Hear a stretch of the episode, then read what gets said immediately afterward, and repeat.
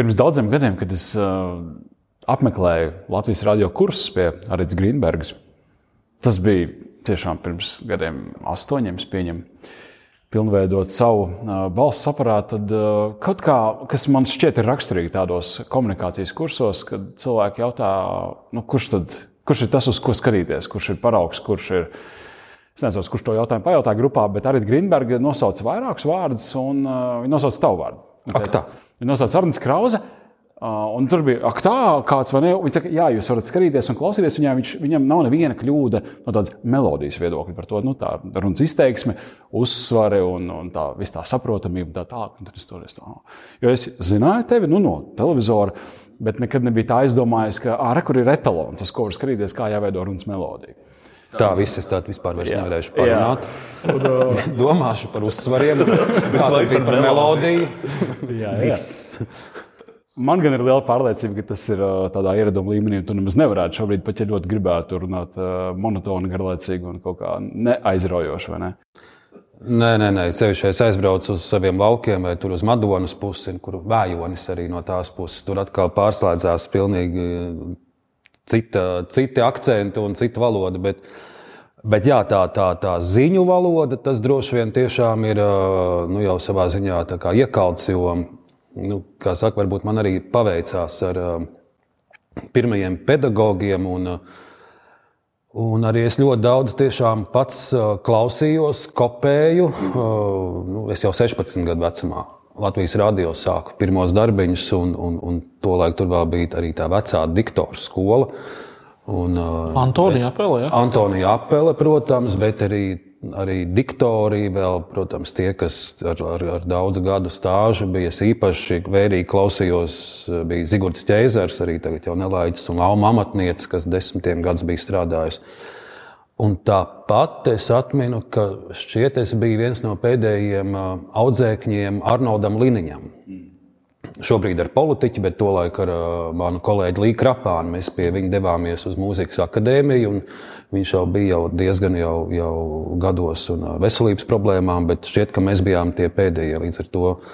Jā, tā. Un ko tu kopēji? Tu teici, ka tu kopēji. Kopēji, nu es klausījos, es klausījos tev pieminēto melodiju, loģiskos uzsvarus. Um, varbūt ne kopēju, bet es daudz vēroju, bet tiešām savā ziņā arī kopēju. Es uh, uh, savu uh, televīzijas panorāmas kolēģi Artu Andersonu, ar kuru es lasīju kādu laiku kopā pāri Svētdienas panorāmas. Un, nu, ja var tā teikt, kopēju, es no viņas kopēju mieru un to savākšanos ēterā, jo tas man bija pārsteigums. Nu, šobrīd tās auditorijas, protams, ir savādākas un, un laiki ir citi, bet tolaik uh, panorāma vakarā skatījās te pusmiljons. Ja, un, un, un, nu, Protams, man kā jaunam tas, tas satraukums un viss, un tad es tiešām ar vienu aci, tā, tā kā Kristaps man blakus, tad es tā vēroju, kā ar te sēž, ko viņa dara, kur viņai rokas, kā ir intonācija un, un, un tādā veidā.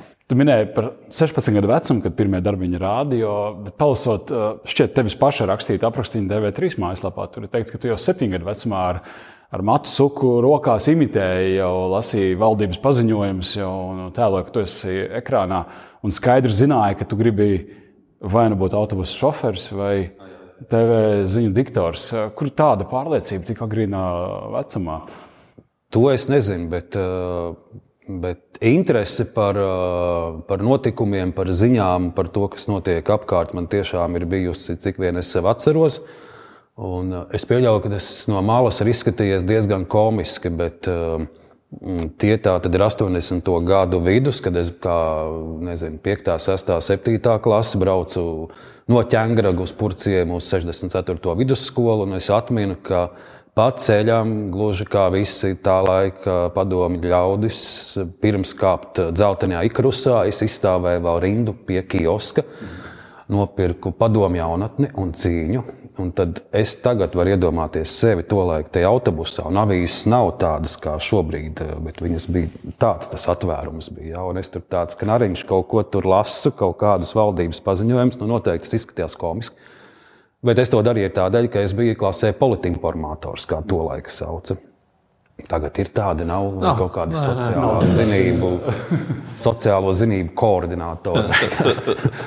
un man bija jāstāsta, kas notiek, un jāizgriež tie rakstiņi. Tas viss sakrita ar, um, ar atmodas laiku, ar pirmajiem uh, protestiem un mītiņiem. Un, ja varbūt pirmās reizes tur skolotāji teica, kurš, kurš, kurš, kurš, kurš. Tad jau pēc pāris nedēļām jau viss aizgāja. un Tur tā interese droši vien. Jā. Nu, labi, es pieņemu, ka šobrīd nav stāvēšana rindā pie kioska. Kas ir tā rutīna, kas ir tas resurss, kas ir nepieciešams, lai būtu informēts par, par, par lietām? Intereses pieņem ir saglabājusies, zināt, kas pasaulē notiek. Interese saglabājusies, bet varbūt šobrīd pat ne tik liela vairs, kā, kā man tā bija uh, pusauģa gados par to, kas notiek. Tagad varbūt viņa ir tāda specifiskāka. Un, um, bet tas pamatresurss, es pat nezinu. Nu, man liekas, joprojām pamatresurss ir tas, kurā man ievilka šeit blakus sēdošais Kristaps Vetersons, un tas ir Twitteris. Un viņš savulaik man atklāja un parādīja panorāmas laikā, Zaķisēlas trešajā stāvā, uh, Twitter un izstāstīja, ka lūk, te ir tāds Twitter. Es kā Kristaps neatcerās, bet es atceros, ka es pats tur pieregistrējos un mēs arī izveidojām Panorāmas- panorāmai panorāmai kontu, kontu jā, jā, un, un, To gan es atceros. Jā. Un diezgan ātrā laikā viņš sekmīgi sasniedz salīdzinoši lielas auditorijas. Protams, bija arī tāda pretestība, jo no tā laika televīzijas vadības man nācās dzirdēt, kas te tagad tāds būs. Mēs Amerikāņu izgudrojums. ārzemju uh, kanālus reklamēsim, nevajag mums nekādu Twitter pieminēt un Facebook pieminēt. Un, un, un, un. Bet, nu, jā, bet uh, nu, teiksim, tā diena man sākās jā, varbūt ar Twitter, jo man Twitter ir savākta tāda mini, mini pasaule. Nu, ne gluži tā kā socioloģiski, bet varbūt ar tur ir desmit studenti, un desmit profesori un desmit tu tādi tā pieeja pilnīgi, ja, tā- nu, es tā tā- esmu savāds. pat Ne tādēļ, ka man varbūt viena daļa cilvēku interesētu, bet es lai tiešām redzu dažādu to spektru. Jā, un ļoti raibai rai, raibai publikai. Līdz nesenām, nezinu, vēl pirms pāris nedēļām, pat man bija iespēja vēl sakot, piemēram, Elitei Veidemanai, bet nu, es ilgi noturējos. Pirms pāris nedēļām man tikai nobloķēja. Bet tā kā es, es ļoti, ļoti dažādiem gan uzskatiem, gan, gan uh, partijām un tā tālāk. Es atkal to, at- to atcerējos 2010. vai 2009. gadu, kad uh, bija tas Twitter laiks. Uh, es atkal varu atsaukt atmiņā 2000. gadu, kad mani pa, pa kopā mēs ar Nelaiķi. Uh, uh, Rolandu Čārvi i- i- ienācām. Viņš man ieveda redakcijas telpā un teica, te ir 18-gadīgs čalis, Kristaps. Viņš grib kaut ko pamēģināt. Viņš Igaunijā mācās, un varbūt ka jums var noderēt tāds. Un, Un mani pirmie darba skolotāji principā bija Arnēs un Aija, eh, kuri kaut kā nu, mani tā uzreiz pieņēma. Un, eh, un es atceros, jā, toreiz. Un, Bet tu, man liekas, par ekonomiku nesāp. Uh, es, nē, es mani sūtīju vis kaut kur, sākot no visām Rīgas ziņām, un beidzot tur ar Filipu ek- koncertu. Tur Ah. viss kaut kur man sūtīja. Bet, bet jā, es to pirmo vasaru patrenējos, un tad, tad, tad es Igaunijā principā tur vairāk vai mazāk pa turieni šeptējos. Un tad, starp citu, tu biji arī viens no tiem, kas aicināja man atpakaļ eh, ekonomiku, jo tieši tajā laikā, kad sākās visas tās krīzes, uh, kad tā lielā krīze nebija laikam panorāmā neviens, kas tieši to ekonomikas tematiku kūrē. Tā kā laikam tas toreiz bija tas, um, tas moments, jā, mazliet tāda mūsu vēsture. Jā, bet jā, es mazliet paturpinot, uh, varbūt tev būs vēl jautājumi par, um, par stāju, melodiju un vispārējo. Es atceros tevi, kā, nu, kas, kas tiešām ļoti rūpīgi gāja cauri ziņām, un arī uh, reizēs, kad tu pildīji arī producentu pienākumus, uh, tu liki daudzas reizes pārrakstīt man to ziņu, un, un, un taisīt viņu precīzāku, uh, koncentrētāku, fokusētāku. Es to ļoti labi atceros, un, un arī to, to piegājienu, kuru tu skaidroji un stāstīji. Kā tev, piemēram, šodien šķiet, vai mēs tādā informācijas pārpilnības laikmetā dzīvojam tādu izplūdušu vai fokusētu tomēr ziņu virsrakstu pasaulē? Nu, man liekas, mēs dzīvojam vispār pilnīgi citā, citā pasaulē, ja salīdzinām ar to laiku, kur tu no pat aprakstīji arī no ziņu viedokļa. Jo, jo šobrīd viss ir um, nu, tas klikšķu laiks un, un, un virsraksta laiks. Un bieži vien, ja tev nav um, skaļš virsraksts un, un tādi sulīgi pirmie pāris teikumi, tad ir maz šans, ka tavu stāstu, tavu ziņu vispār izlasīs, lai arī tu varbūt esi tiešām lielu darbu un lielu pētījumu ieguldījis. Bet, jā, nu, protams, ir, ir, es, es nu jau varu salīdzināt ar, ar, ar žurnālistiku pirms gadiem, 10, 20, un šobrīd ir diezgan, diezgan tie laiki ir mainījušies. Un, nu, tagad televīzijas ziņu raksta citādāk, taču nu, fundamentāli jau nē. Jā, un nē, bet, bet nu, sevišķi visu cieņu maniem jaunajiem kolēģiem. Es arī šeit eju uz universitāti, uz pirmajiem kursiem, bet par ko man ir tāda trauksme, ir, ir par, par valodu. Ir, ir, ir jaunākiem kolēģiem ir grūti, grūti atrast sinonīmus, izstāstīt vieglā, saprotamā valodā. Un, un tas, jā, tas man tiešām tā, tā kritiski šķiet, ka, uh, ka burtiski acu priekšā tā, tā prasme izmantot latviešu valodu un, un, un viegli izstāstīt stāstu kļūst daudziem arvien grūtāk. Nu, skaidrs, ka ir šis Twitter laikmets, saīsināto saziņu laikmets un tā tālāk, bet uh, Bet, nu, jā, ja es paņēmu vienu studentu darba lapu un, un, un, un tur ir 12 kļūdas, un, un, un uh, viņas pat tev jau vārds parāda, kur ir tās kļūdas, un tad tu viņas nesaredz un neizlabo, nu, nu, ir. Uh, Ir tā, jā, ir daudz rūpīgāk, es, bet ne visi, ne visi bet, bet ar vien, ar vien vairāk tas ir, ir, ir. Daudz biežāk jauniem kolēģiem tomēr ir sākuma posmā jāpasako līdzi un, un, un, un pirms palaist ēterā, jo es vienu vasaru atceros, bija ar vienu studentu meiteni, kur pat pasniedzēja rekomendēja, nu, ka viņa mums tāda talantīgāka un uz ārzemes ziņām. Un, Un, un vasarā to cilvēku ir mazāk, atvaļinājumā līdz ar to darbs ir vairāk. Es, es viņai uzticējos, bet pēdējā brīdī eh, nu, uzmet acis, protams, ko viņa uzrakstījis. Toreiz bija tas stāsts par eh, bija tas, pie Itālijas krastiem prāmis uzsēdies eh, Costa Concordijā un, un tā viņa vilka nost. Un, un, un tad iedod tekstu, kur man tūlīt jālasa, un prāmis ir aizvilkts uz Genoā ostu. Un es domāju, ka tas kā, nu, nezinu, visas, visas ostas es nepārzinu Itālijā, bet Genoā tā kā nav dzirdēta. Es tāpat gan jau no Dženova droši vien. Un tad tur, bija, nu, tur vēl bija pērles. Ja? Tā kā, nu, Un it kā, it kā nav jau teikts, ka viss ir jāzina, bet, teiksim, tad, kad mēs sākām, tad varbūt nebija tādas Google iespējas. Citu, šo, Tagad nu, visu var pārbaudīt. No, starp citu, par šo man ir arī pašam stāsts, kā es izgāzos. Man dienā es, uh, Juris Tihanovs, uh, ārzemziņu redaktors, biju, un, un es biju uzrakstījis rakstu, kurā es biju arī pieminējis tādu kolonelu. Uh, Džonu kaut kādu tur vēl. Kolonēlu. kolonēlu. tas ir pulkvedis. Man, man, man, arī, Modafī, man arī ir bijis tāda. Tā kā, nu, es, es varu no. Asociēties ar Genoā. Bet labi, labi, es negribu izklausīties kā tāda, tāda latviešu valodas skolotāja, kur bubina par, par, par to. Bet, Bet tas, ja tā paklausās, jā, tāpat šobrīd ir tāda pērle, ja, ja atnāk darbā kāds, kāds jauns kolēģis ar, ar ļoti labu latviešu valodu. To var novērtēt. Bet, um... bet varbūt ir jābubina. Es tieši klausījos un domāju, vai tu esi uzņēmies tādu krusta gājienu šajā jomā, ja tas tā mm. epizodis. Ja tu, es, es tieši kaut kā pēdējā laikā esmu ievērojis, ka tev tev ir tā, ka tu kādreiz mēs tā varam salīdzināt, kur tu tā tiešām dedzīgi, un es atceros, ka tu teici, ka mums vispār ir ļoti šaura un īsa tā ziņu atmiņa, ka, un, un, un, un, un atnāk jauns, viņš, piemēram, nezina ne to prāmu konkordiju, ne, to, ne tur vēl kaut ko. Ja?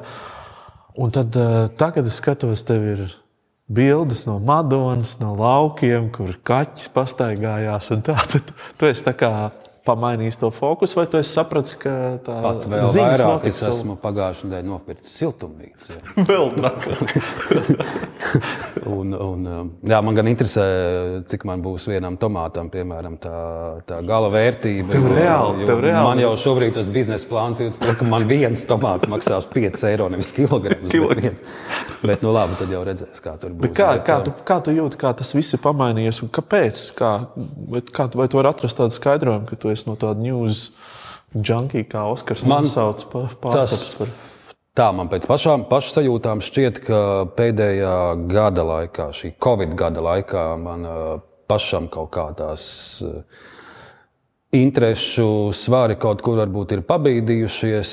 Un, cik tur tas covid, cik, nu, arī savā ziņā, jā, visas tās covid ziņas vienā brīdī tiešām mani nogurdināja un piespieda pie zemes savā ziņā. Ne tik daudz covid ziņas, lai gan, nu, um, teikšu, kā ir, nav viegli katru vakaru.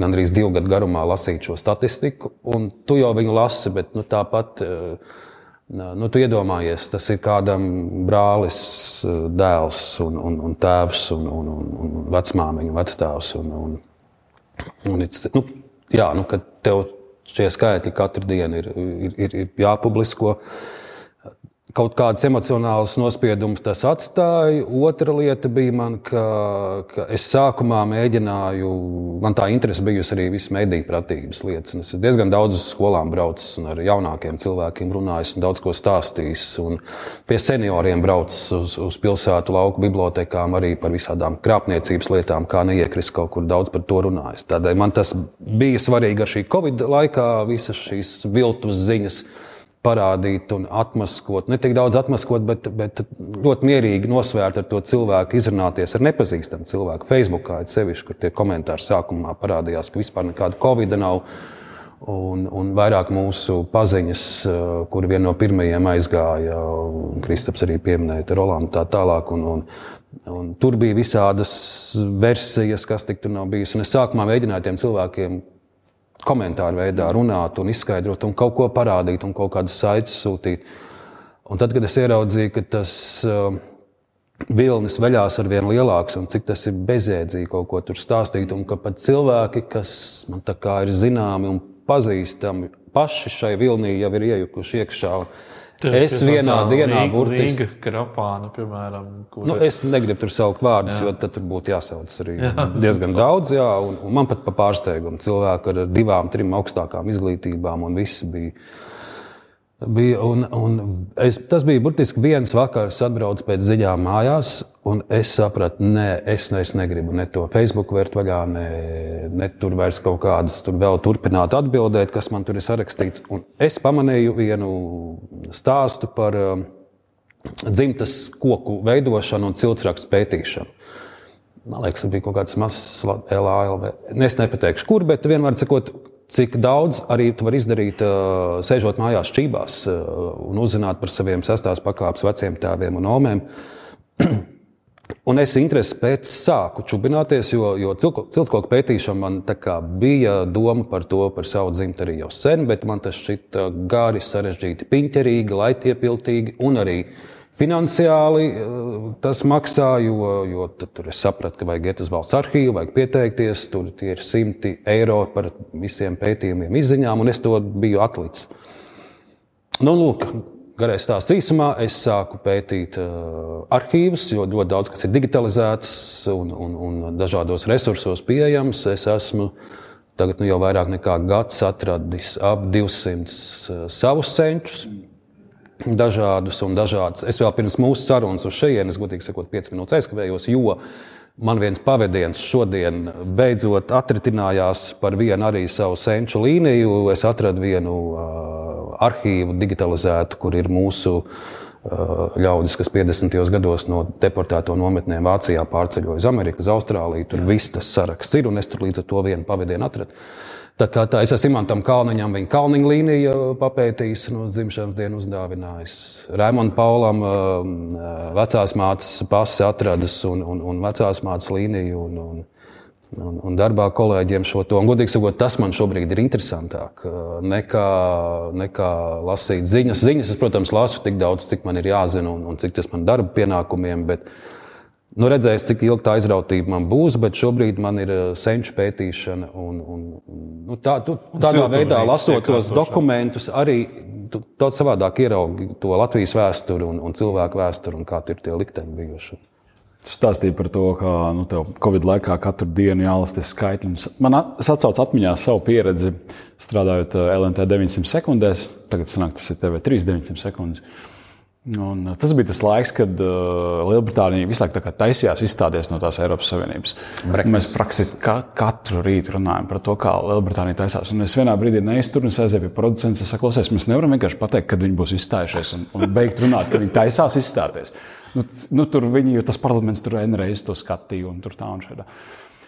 Un tad es domāju, mans skatītājs nedrīkst to sajust. Un, un, un ir tas nākamais rīts, un atkal mēs stāstām, kā Lielbritānija taisās izstāties. Es to tekstu redzu un lasu no tās titru mašīnas. Un, un es domāju, ka tu nedrīksti paust to emociju. Kā tev iet ar šo? Vai tu mm, kaut kā īpaši noskaņojies, vai tas ir tāds kā automātisks režīms, nu, ka ir, tas, ir, tā, ir tā ziņa, ir cieņa gan pret ziņu, gan pret klausītāju. Un iespējams tas kādam tur ekrāna otrā pusē ir svarīgi.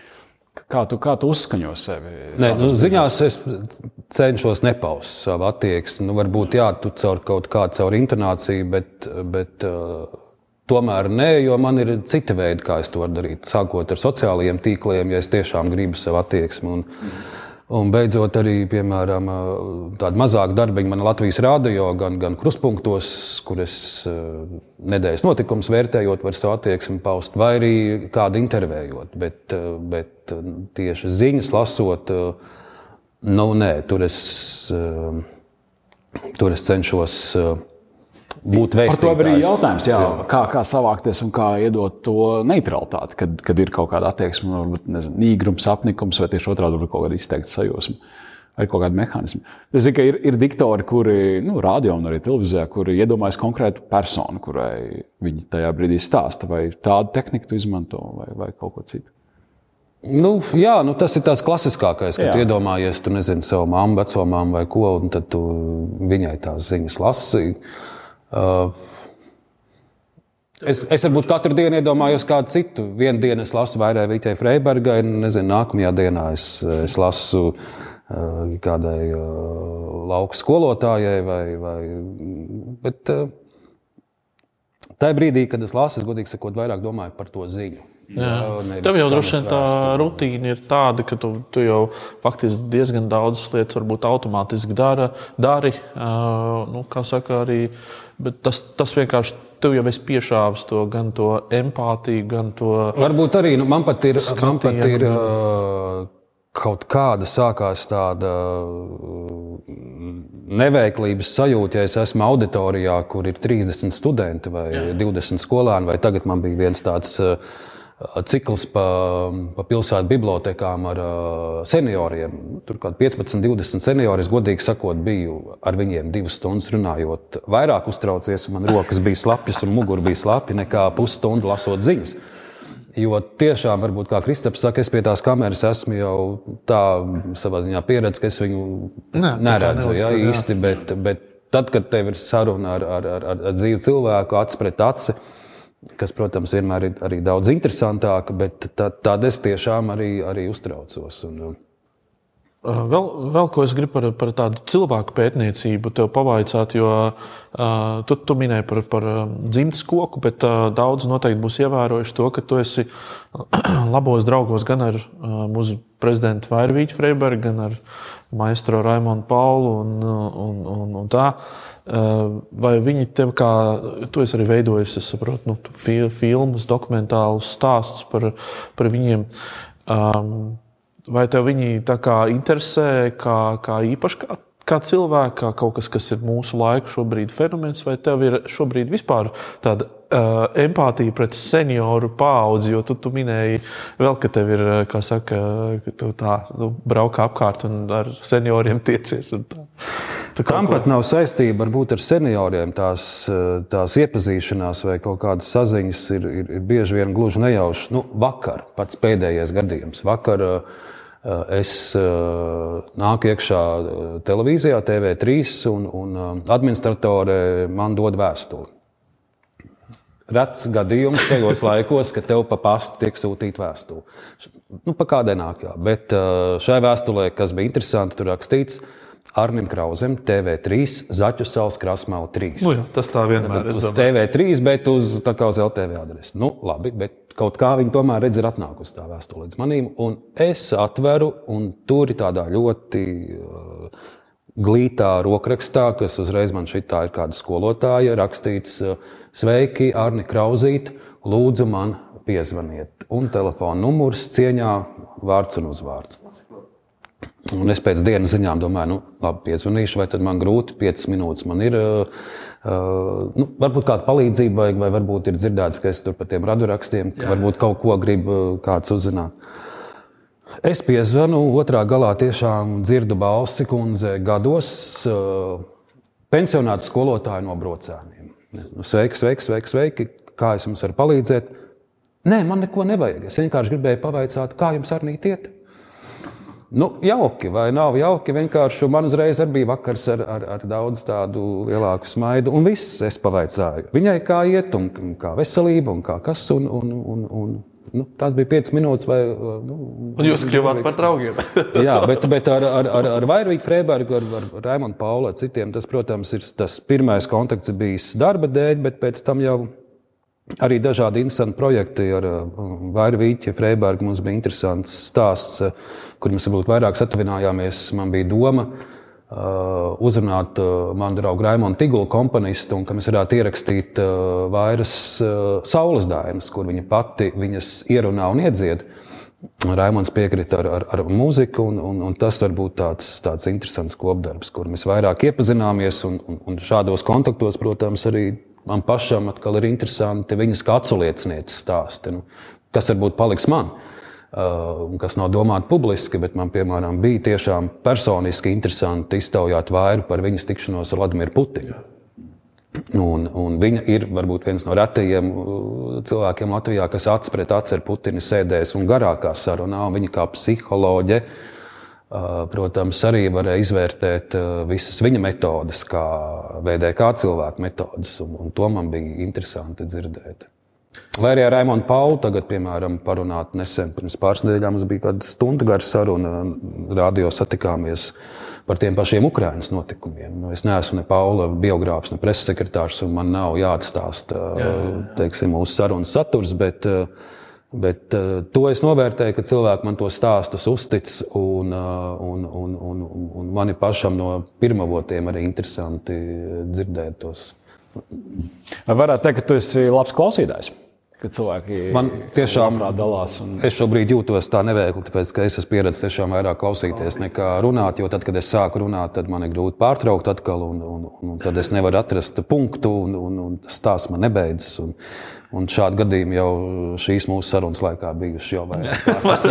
es nevaru pabeigt teikumu. Bet, zini, kā es tieši vakar skatījos mm, prezidents Freibergas garo šo te, ne pat ne garo, 5 minūšu garo 2002. gada Prāgas samita runu, kur viņi no galvas runāja. Manuprāt, es nezinu, kā tu domā, bet manuprāt, tā ir līdz šim laikam nepārspēta faktiski tāda politiskā uzstāšanās Latvijā augstu likmju. Tāda, kā, kā tu domā, vispār? Varbūt par... pat īsti vēl nenovērtēta. Varbūt tiešām jā, laiks paliks. Bet man ir žēl ar šo uzrunu vienīgi kā televīzijas cilvēkam, ka viņa ir saglabājusies. Varbūt tiešām jāmeklē kādos NATO arhīvos vai kur, bet uh, es arī veidojot stāstu par Vairvīķu Freibergu, viņas dzimšanas dienas, dzimšanas uh, jā, dienas apaļajā gadā meklēju oriģinālu, jo viņš ir tas fragments, kas ir, viņš ir ļoti, ļoti sliktā kvalitātē, kaut kur piecreiz YouTube pārkopēts kaut kas tāds. Tā kā, Būtu būt labi atrast televīzijas cilvēkiem oriģinālu, bet tas jau nemazina to saturu un to vēstījumu. Un, um, un, uh, man skatoties vairāk kārt uh, šo Prāgas samita runu, eh, es ar vienu acu tur vairāk vēroju apkārt, apkārt kāda tā reakcija ir. Ja, kā, kā Bušs, kā Francijas prezidents un citi. Viņi tiešām tur bija kapa klusums tajā brīdī, kad vaira runāja. Ja, tur bija katrs vārds un katrs teikums izsvērts un pārdomāts. Un, nu, tā, ir, jā, tā ir Latvijas valsts vīru viena no droši vien spēcīgākajām runām, kas bijusi.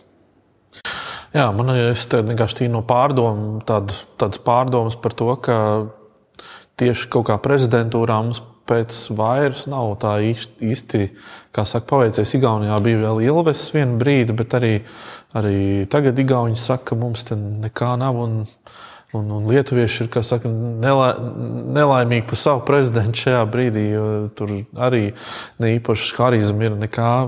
Kā tev šķiet vispār? Nu, Mums ir svarīgi, teiksim, tie politiķi, lai viņi labi runā, labi izsakās, labi reprezentē, pārstāvja, vai mēs varam iztikt arī ar, ar to, kas mums ir? Jā, un nē, jo nu, tā labā runāšana, protams, ja mēs raugamies uz, uz, uz, uz rietumu politiķiem, Amerikas, nu, tas ir, tas ir automātiski. Ja tu, ja tu gribi būt politiķis ar, ar, ar, ar panākumiem un uzrunāt sabiedrību, tev ir jābūt skaidram vēstījumam, skaidrai valodai un tā tālāk. Un, un, un tas ir tas, kas mums bieži vien mūsu amatpersonām klibo. Es pat teiktu, ka mums ļoti maz tādu, kas, kurus varētu nosaukt par izciliem oratoriem. Un... Tu gribētu nosaukt, vai tu šeit es, es, atturēšos, bet, bet no otras puses tas nebūtu neko vēl neliecina, ja tev ir raita mēlē, jo, ja mēs paraugāmies uz, uz, uz dažiem mūsu politiķiem, it sevišķi šajā Covid laikā un dažādi arī viltus ziņu sakarā, jā, nu, tur bija daži ar, ar, ar, ar ļoti, daži arī Kristapa novadnieki ar ļoti, teiksim, spožām valodas prasmēm un, un, un pērlēm un tā tālāk. Bet, bet vai tādēļ viņi bija izcili politiķi un godīgi politiķi? Nē. Tāpēc tas, ka kādam ir lokana mēlē, vēl nu, neko nenozīmē. Jā, bet es domāju, ka sabiedrība sagaida, ka valsts augstākās amatpersonas varēs sakarīgi raiti izteikties. Tā skaitā svešvalodās. Man šķiet, ka tā ir tāda komponente. Tur ir tas saturs, saturs arī ir iznešanās, kas, teiksim, vairē Vīķai Freibergai ir tas tiešām nu, tā, tas super augstais intelekts, kas ir kombinācijā ar oratoru spējām. Nu, tas, tas, tas, es domāju, varbūt tas. Uh, Redz, tur droši vien nospēlē, nu nevis droši vien, bet visticamāk arī lielā mērā tā pieredze akadēmiskajā vidē, kur tu esi. Nu, līdzīgi kā Baraks Obama, jā, viņš jau arī jā. neradās vienkārši tā vienā dienā kā izcils orators. Viņš jā, arī protams. lasīja lekcijas un tā. Un, un arī, ja tu ieej šodien uh, Latvijas augstskolās, Latvijas universitātēs, pārsvarā mācību spēka, nu, Labi, es nevaru tā apgalvot pārsvarā, bet nu, liela daļa runā ļoti labi. Jā, labi jā. Ja, tāpēc, ka vienkārši tā ir milzīga praksa.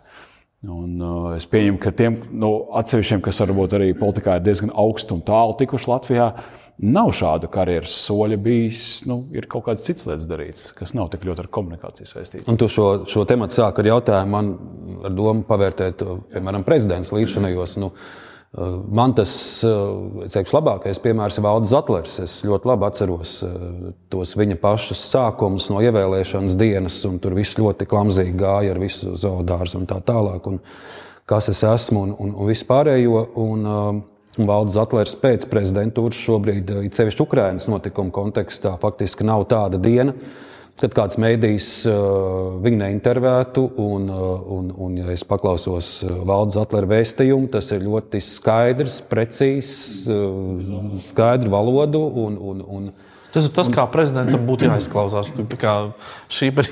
Mēs arī bijām viņu relatīvi nesen uzaicinājuši dienu pēc un intervijām. Un, un tad arī es atceros, atļāvos viņam arī teikt, ka mūsu skatījumā viņš bijis ļoti, nu, tā, faktiski tāds no prezidentiem tāds ar visstraujāko izaugsmu, kā viņš sāka un kā viņš pabeidza savu prezidentūru tieši no komunikācijas mm. viedokļa. Tad, nu, Tad, uh, mēs nenonācām līdz skaidrai atbildē, nu, kā, kā tas kā notika. Vai viņš pats, nu, tur bija acīm redzot, ka apstākļu kombinācija, iekšēja motivācija, plus sitieni no ārpuses un, un, un bija izaugsme.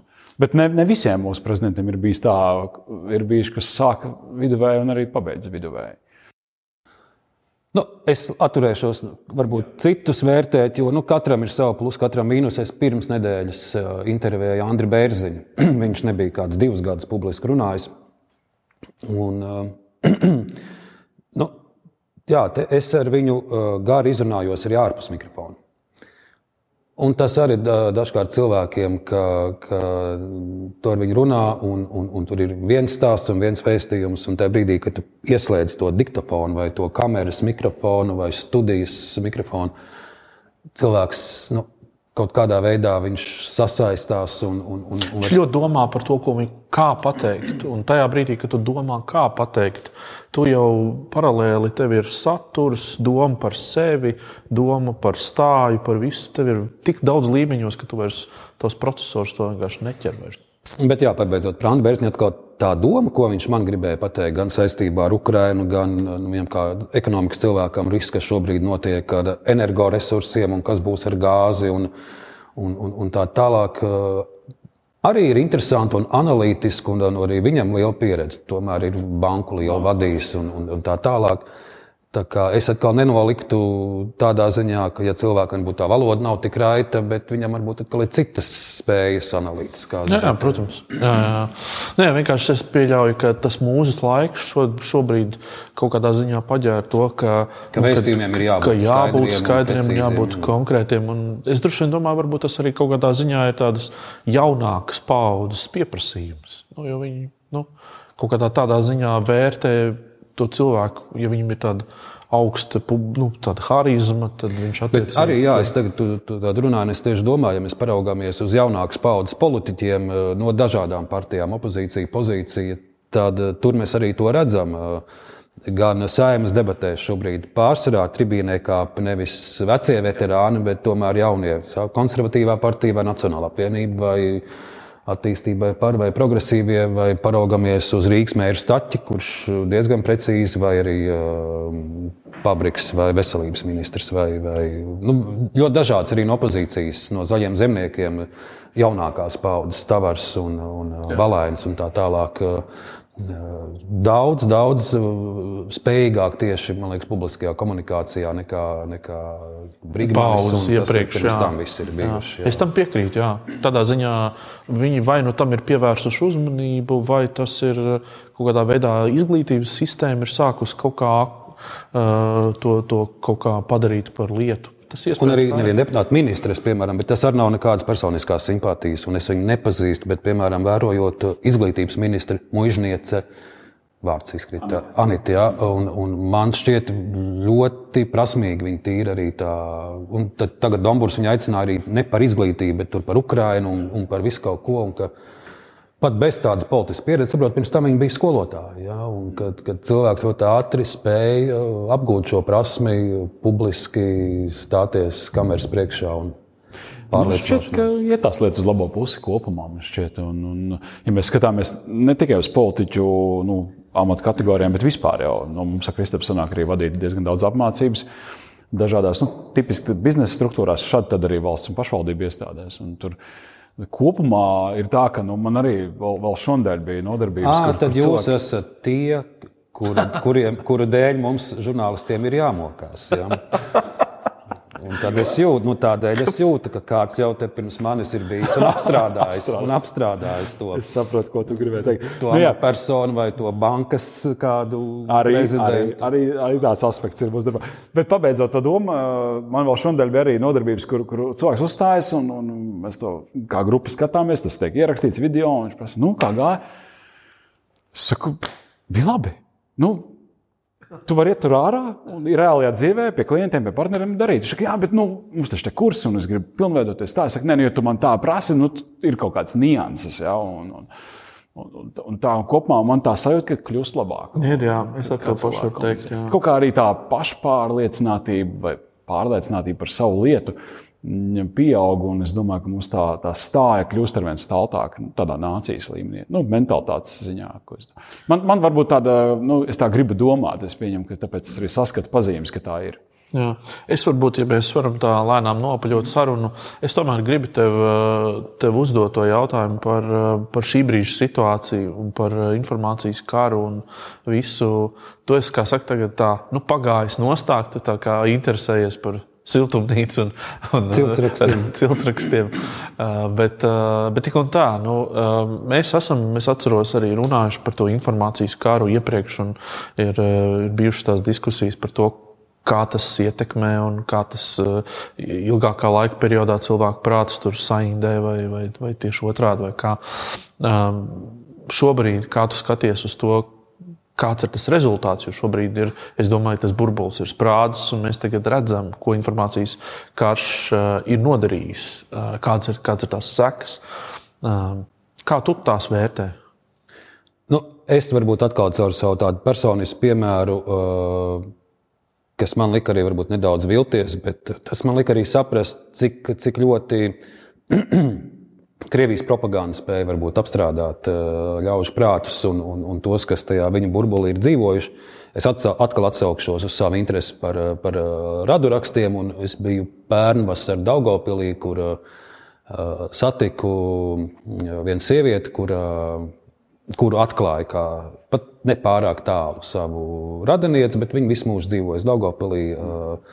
Nav krievu izcelsmes, bet valoda viņai ir krieva, kurā, kurā viņa runā. Man tagad bija interese pēc, es gāju Facebookā, ko viņa tagad par Ukrajinu. Mums nav tas kontakts tāds, mēs vienreiz tikāmies un viss, bet tā, ko viņa par Ukrajinu tagad uh, saka. Un es kā ieraudzīju, Es tiešām biju uz pauzes, ja, un viņa nav ne, ne, ne krievi izcelsmes, nekas, nekas, bet viņa ir dzīvojusi visu mūžu Daugopilī. Viņa noteikti visu mūžu skatījusies Vrēmiju un uh, Solovjovu. Un, uh, Es varēju vien dziļi ievilkt telpu un, un, un nopūsties, jo nu, tur tajā saturā bija nu, viss tas, ko, ko, kā, kā Krievija tos cilvēkus ir savā burbulī izaudzējusi. Un, Un es nedomāju, ka tur, protams, es neko nerakstīju, nu, ko tas mainītu. Tas neko nemainītu, un arī tas neko tur daudz nemainīs. Tā labā ziņa, man liekas, ir atkal tā, ka, ka ja mēs runājam par, par krieviem, ko es redzu gan no ielu intervijām, gan arī tā pats interesi pēc TikTokā paskatoties, vai, vai, vai tur, kur vairāk jauni cilvēki.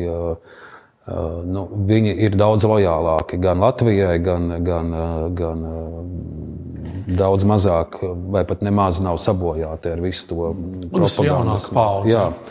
Bet tie, kas ir to brēmu skatījušies 20, 30 un visu mūžu, nu, tur vienā mēnesī tur var nogriezt tos kanālus, bet tur nekas nemainīsies. Jā.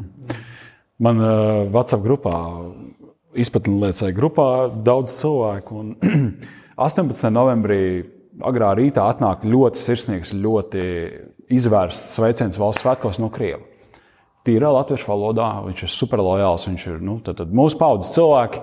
Es teiktu, pārsvarā droši vien ir, ir kritiski domājuši, un viņi visticamāk nav saindēti. Bet, jā, nu, tur var, kā saka, ievilkt dziļi elpu un varbūt vienkārši atstāt to cilvēku mierā, diez vai mēs viņu varēsim pārtaisīt. Nu, jā, Arni, liels paldies, ka tu atradi laiku par, parunāties. Tā liels lūdzu. Forš, forš paldies, ka tu man pirms tik 20 gadiem parādīji Twitter. Ko es bez tā darītu visus šos 20 gadus? Ritenījās. Jā, nu labi. Nu, paldies!